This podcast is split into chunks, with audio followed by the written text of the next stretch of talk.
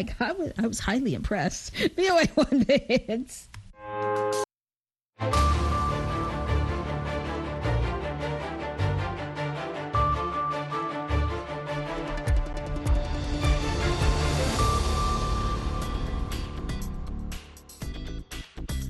halkani waa washington laanta afka soomaaliga ee v o a oo aad ka dhagaysataan muwjadaha gaagaaban iyo efemyada geeska afrika caalamkao dhanna waxaad nagala socotaan boggeena v o a somaly com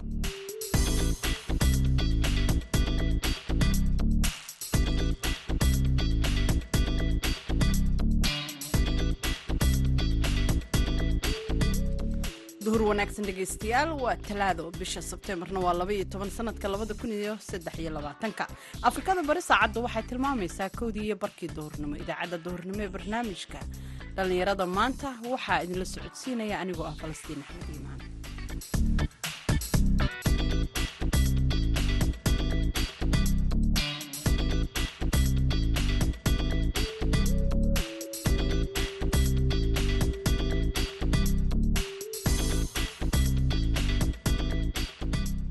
qodobada aad ku maqli doontaan idaacadda duhurnimo waxaa ka mid ah wararkii ugu dambeeyey ee howlgallada ka dhanka al-shabaab ee deegaanada galmudug. Dhinacan gurceel ee jaaw ciidamo xoogle ayaa ku sii jeeda ceelbuur dhuusamareeb dhankeeda ciidan kale ayaa diyaarsan dhinacan baxdo waxaa diyaarsan sidoo kale ciidan xoog leh bacadweyn ilaa wasilli waxaa ku diyaarsan ciidan kale oo runtii howlgallo mamnuucan dhanka xara dheer oo kale waxaa ka jira sida buluf kale. Marka waxaa la dhihi karaa dhul kooban oo runtii lagu hareeraysan yahay oo ciidamada dowladdu ay dhinac walba ka joogaan. Waxaa kaloo aad maqli doontaan dhallinyarada reer jabuuti iyo ciyaaraha kubadda cagta qodobadaasi iyo warbixinno kale ayaad maqli doontaan. Marka horese ku soo dhowaada qodobadii wararka caalamka ugu waaweynaa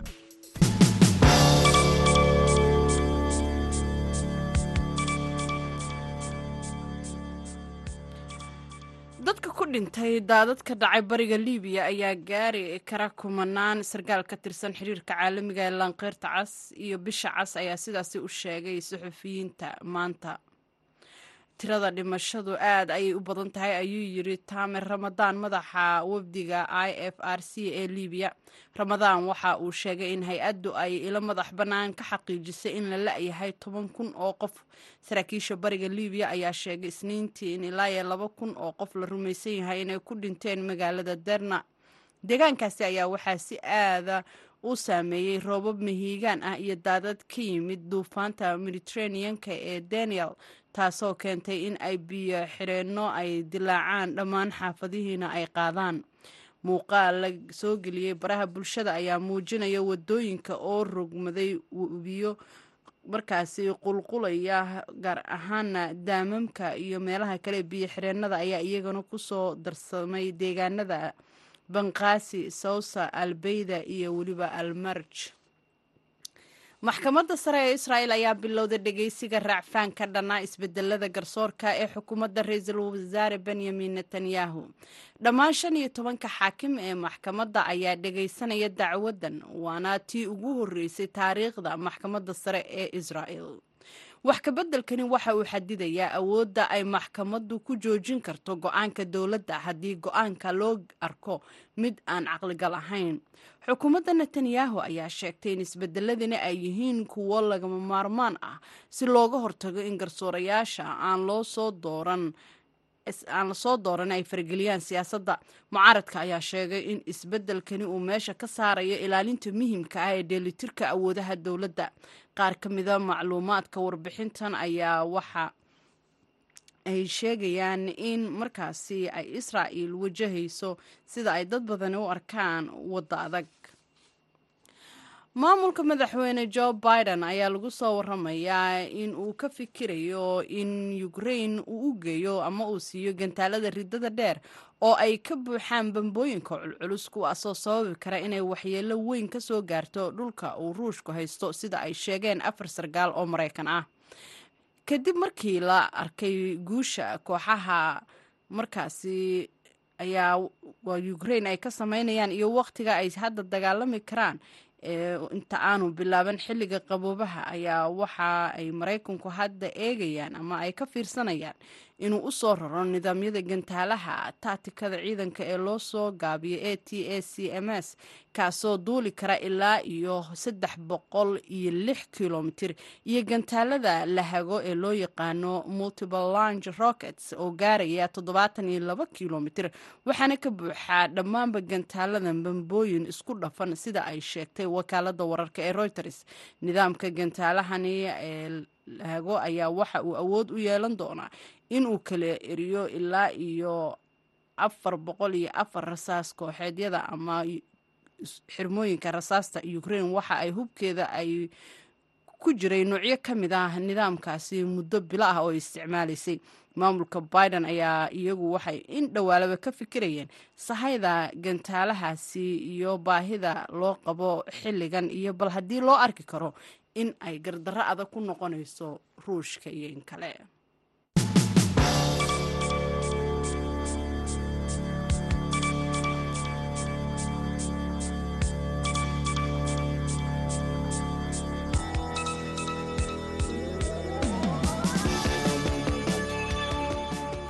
wanaagsan dhegeystayaal meel walba ad naga dhegeysanaysaan.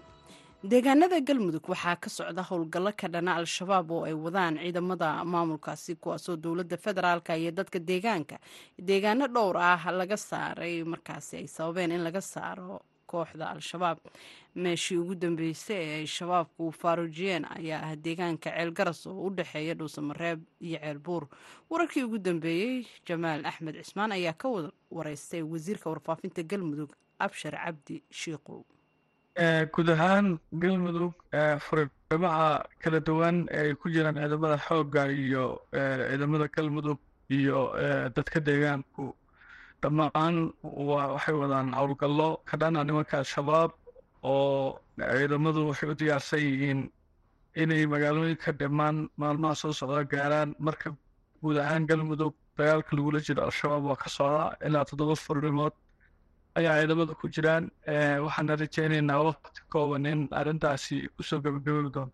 Waa tahay shalay waxay la wareegeen deegaanka calgaras oo wararka gedisanna ay ka soo baxayaan. Maxaad inooga sheegi karaysaa hadda xaaladda deegaankaas algaras weli waxay ku jirtaa gacanta ciidamada xoogga runtii markii shalay meesha la qabsaday.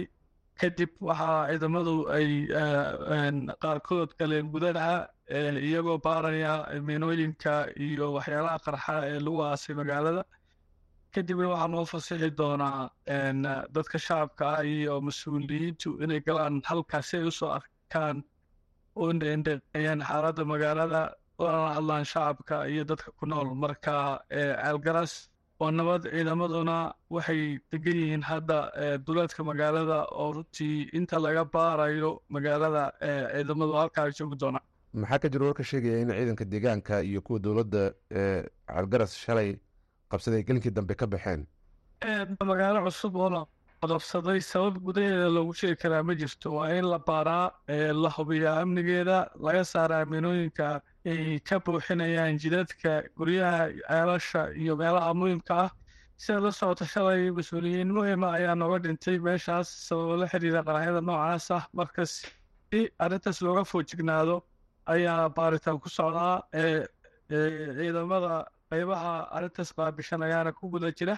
Ciidamada kalena magaalada duleedkeeda ayay fariisaba ka samaysteen ciidamo halkaas ku sii nagaanaya maahan waa ciidamo ku jira weerar oo ku wajahan deegaanada kale harsan waxaa muddooyinkii dambe soo baxayey howlgallada ka dhanka al-shabaab meelo badan laga soo sheegayey dibudhacyo inay ka yimaadeen oo meelaha qaar ay ciidanka ka baxeen.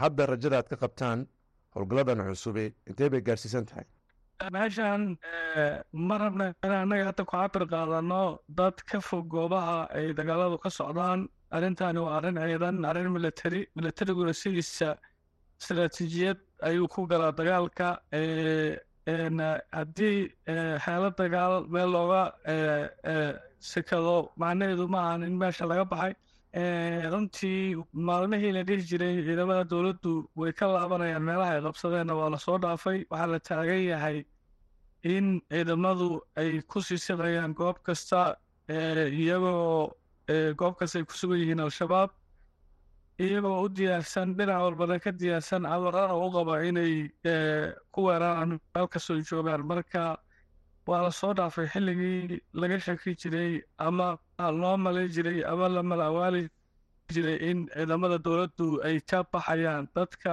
shacabka ee deegaanka degan ayaana ka qayb qaadanaya arrintaas oo waa hormuud u ah dad dhulka kala yaqaana islamarkaana xog culus ka haya nimankan argagixisada ah. Marka waxaan is leeyahay fursad ka wanaagsan fursadihii hore ayaa jirta dagaalkanina waqti dheer ma qaadan doono wasiir doorka dadka deegaanka ee deegaanada al-shabaab ay hadda joogaan aada dooneysaan inaad kaga qabsataan. Intee bay gaarsiisan tahay?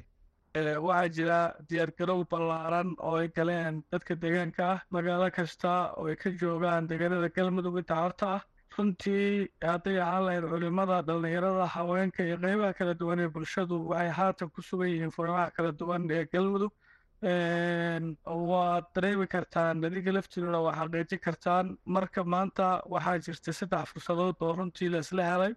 Shacab midaysan oo baraarugsan oo diyaaro inay dowladooda la shaqeeyaan. Ciidan ay u dhammaystiran tahay dhinac walba haddii saarada ahaan lahayd iyo hadday moral ahaan lahayd iyo hadday ahaan lahayd dhinacyo kaleba iyo dowladdiiba go'aan ku qaadatay ilaa ciribtooda al-shabaab marka waa saddex fursadood oo ah weli isku aadin laakiin maanta isku aadan marka waxaan leenahay cid u kala hartay ama maaragtay arrintaas ka baaqsatay inaysan jirin guud ahaan galmudug si buuxda ayaana dagaalka loo wada jiraa doorka dadka reer galmudugna waa cariya waxaan arkayna oo baraha bulshada ku arkaynay in xildhibaano iyo siyaasiyiin iyo saraakiil ciidan inay furmaha dagaalka kula hadleen askarta ciidanka dowladda soomaaliya. Marka dhowr furun baad sheegtay inay ciidanka joogaan. Meelaha ay joogaan hadda oo aad noo sheegi karayso waa xagee?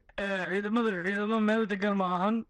Sidiiba faceka labaad loo dhaqaajiyey ciidamadu maalinba maalinta ka dambeysa waxay ku sii shaqeeyaan meelaha ay ku sugan yihiin al-shabaab.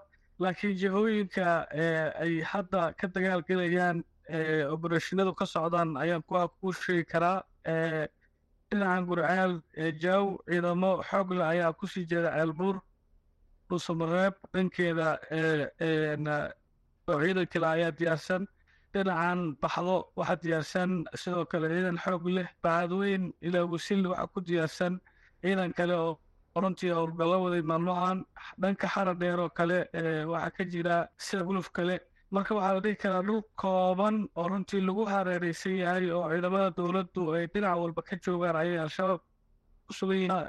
Aan nagu dhiiri gelinaysa inaan waqti kooban lagu soo afjaro arrintaas. Marka shalay arrintii ahayd kalahabaqa ciidanka waa laga gudbay.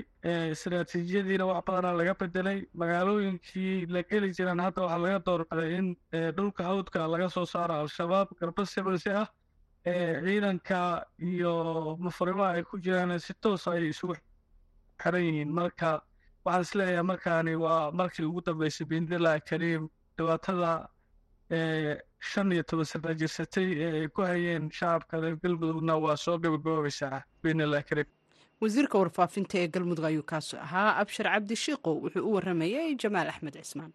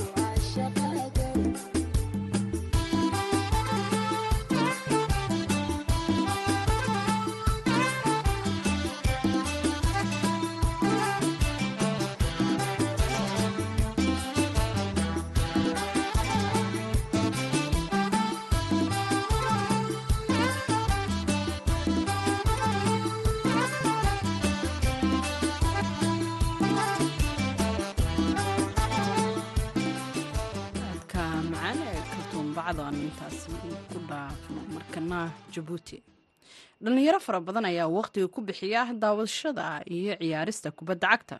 Jabuuti oo dhallinyarada ayaa lagula taliyaa in ay waqtiga isaga dhumin daawashada ciyaaraha uun balse ay sidoo kalena isku dayaan sidii ay xirfadooda ciyaarista ay u horumarin lahaayeen si ay mustaqbal wanaagsan ugu helaan.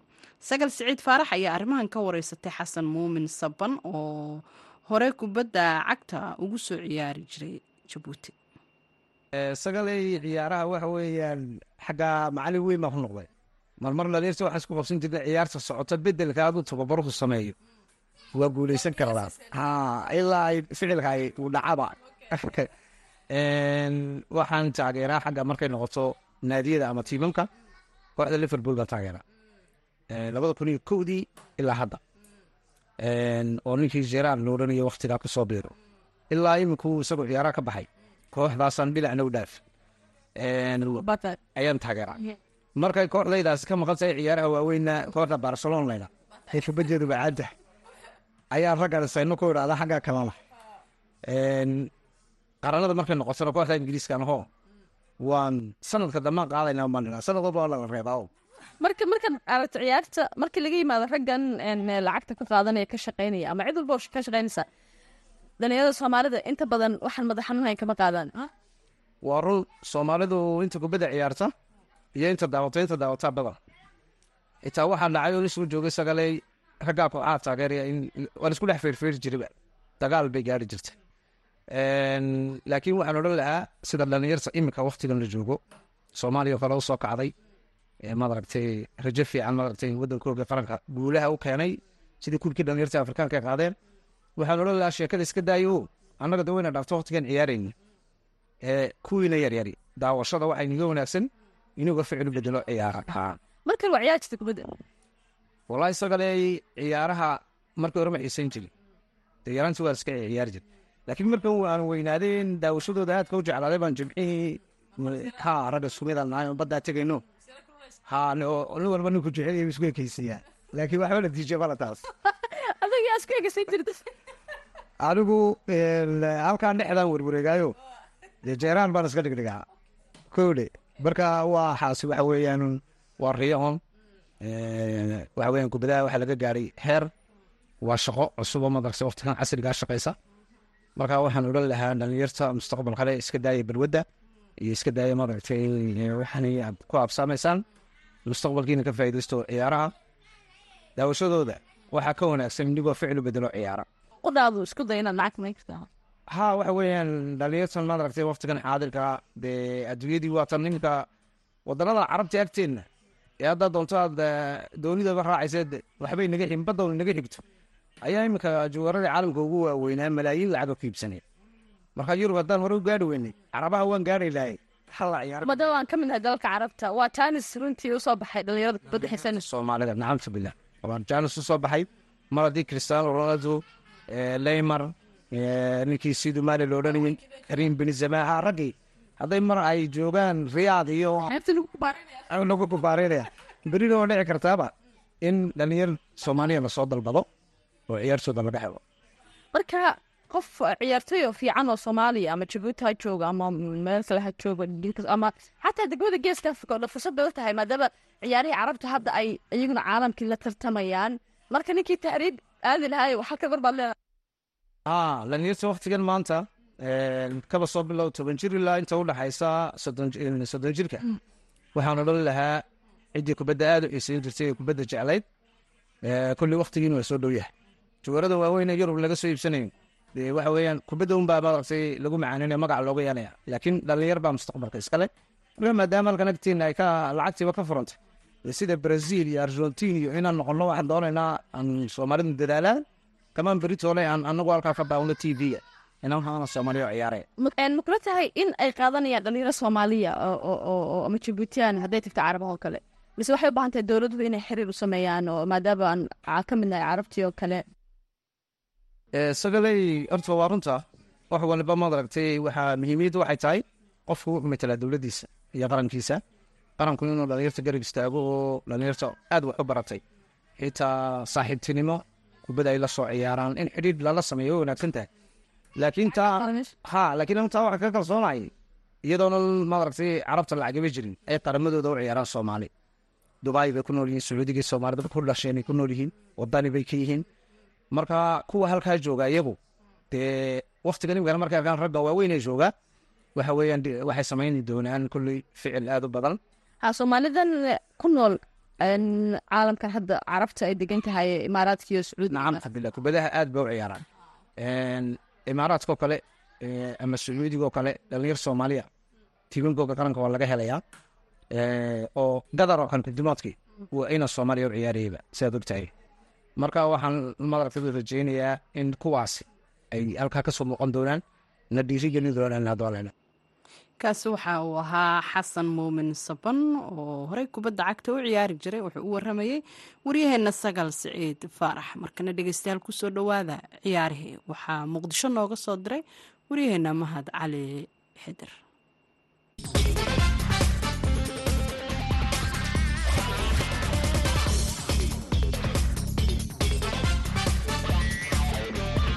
muqdisho waxaa lagu soo gebagabeeyey koobkii koobabka jenaraal daa'uudka oo taariikh ahaan la soo bilaabay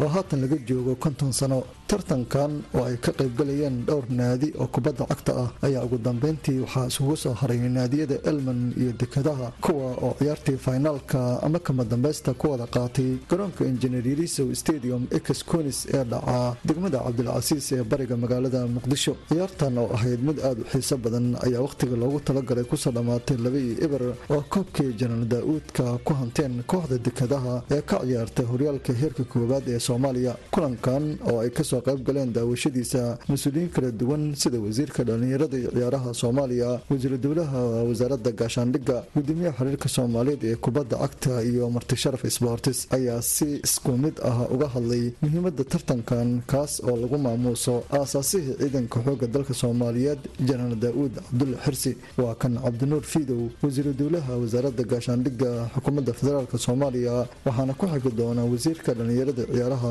soomaaliya maxamed bare maxamuud. Maanta waxaa sharaf ii ah iyo farxad anigoo ku hadlaya magaca wasaaradda gaashaandhigga iyo ciidanka in maantay koobkan oo ahaay koob soo bilaabmay oo muddo laga joogo maanta konton sano tobankii saddexdii oo maanta laga joogo konton sano sanadgurihiisa inaan maanta meeshaan kaga qayb galno waxaan u hambalyaynayaa kooxda guulaysatay oo waxaan leeyahay dadaalkiina waa ka margaliseen kooxda kalena waxaan leeyahay waa dadaashay meel fiican baa soo gaartay insha allah waxaan idin rajeynaa inaad meesha meel ka fiican gaartaan. Waxaan u hambalyaynaynaa labada kooxood performancega quruxda badnaa ay soo bandhigeen iyo ciyaar wanaaggii asluubta ku dhehneed. Eh, sidoo kale waxaan u hambalyaynaynaa si gaara kooxda guusha ay raacday dekadaha ayaguna waxaan leenahay maxay tola hambalyo. Sida si la mid ah dhammaan intii ka soo qayb gashay koobkan galabtaan halkaan xiritaankiisa u joognay koobka generaal daa'uud ee ahaa halgamaagii ama halyeygii taliyii ugu horeeyay ciidanka xoogga dalka soomaaliya. Waa koob fac weyn. Wuxuu kor u qaadaa kobaca nabadda iyo amniga dhallinyarada soomaaliyeed. Sidaad ogtihiin dalku wuxuu maraa heer fiican. Waxaa taagan ama gabagabo maraya ee dib u xoreynta dalka dhallinyaro xilligii laga baqi jiray ama derbigii cabsida ku gadaameed bulshada waa laga soo gudbay. Maanta waxaan maraynaa meeshii ugu dambaysay gabagabadii ahayd inta yaroo dhiman waxaan rabnaa haddii geesiyaasha ciidanka xoogga dalka ay furimaha iyo keymaha ku baacsanayeen. Inta dhiman dhallinyarada isboortiska iyo dhallinyarada ee magaalada waxaan rabnaa si geesinimo leh in laysaga qaado. Sanadkan sanadkiisa xiga waxaan rabnaa koobkan oo annagoo si nabad ah oo si qurux badan adduunka sida u dhaco koobabka ee lagu damaashaado inaan ugu damaashaadnaan rabnaa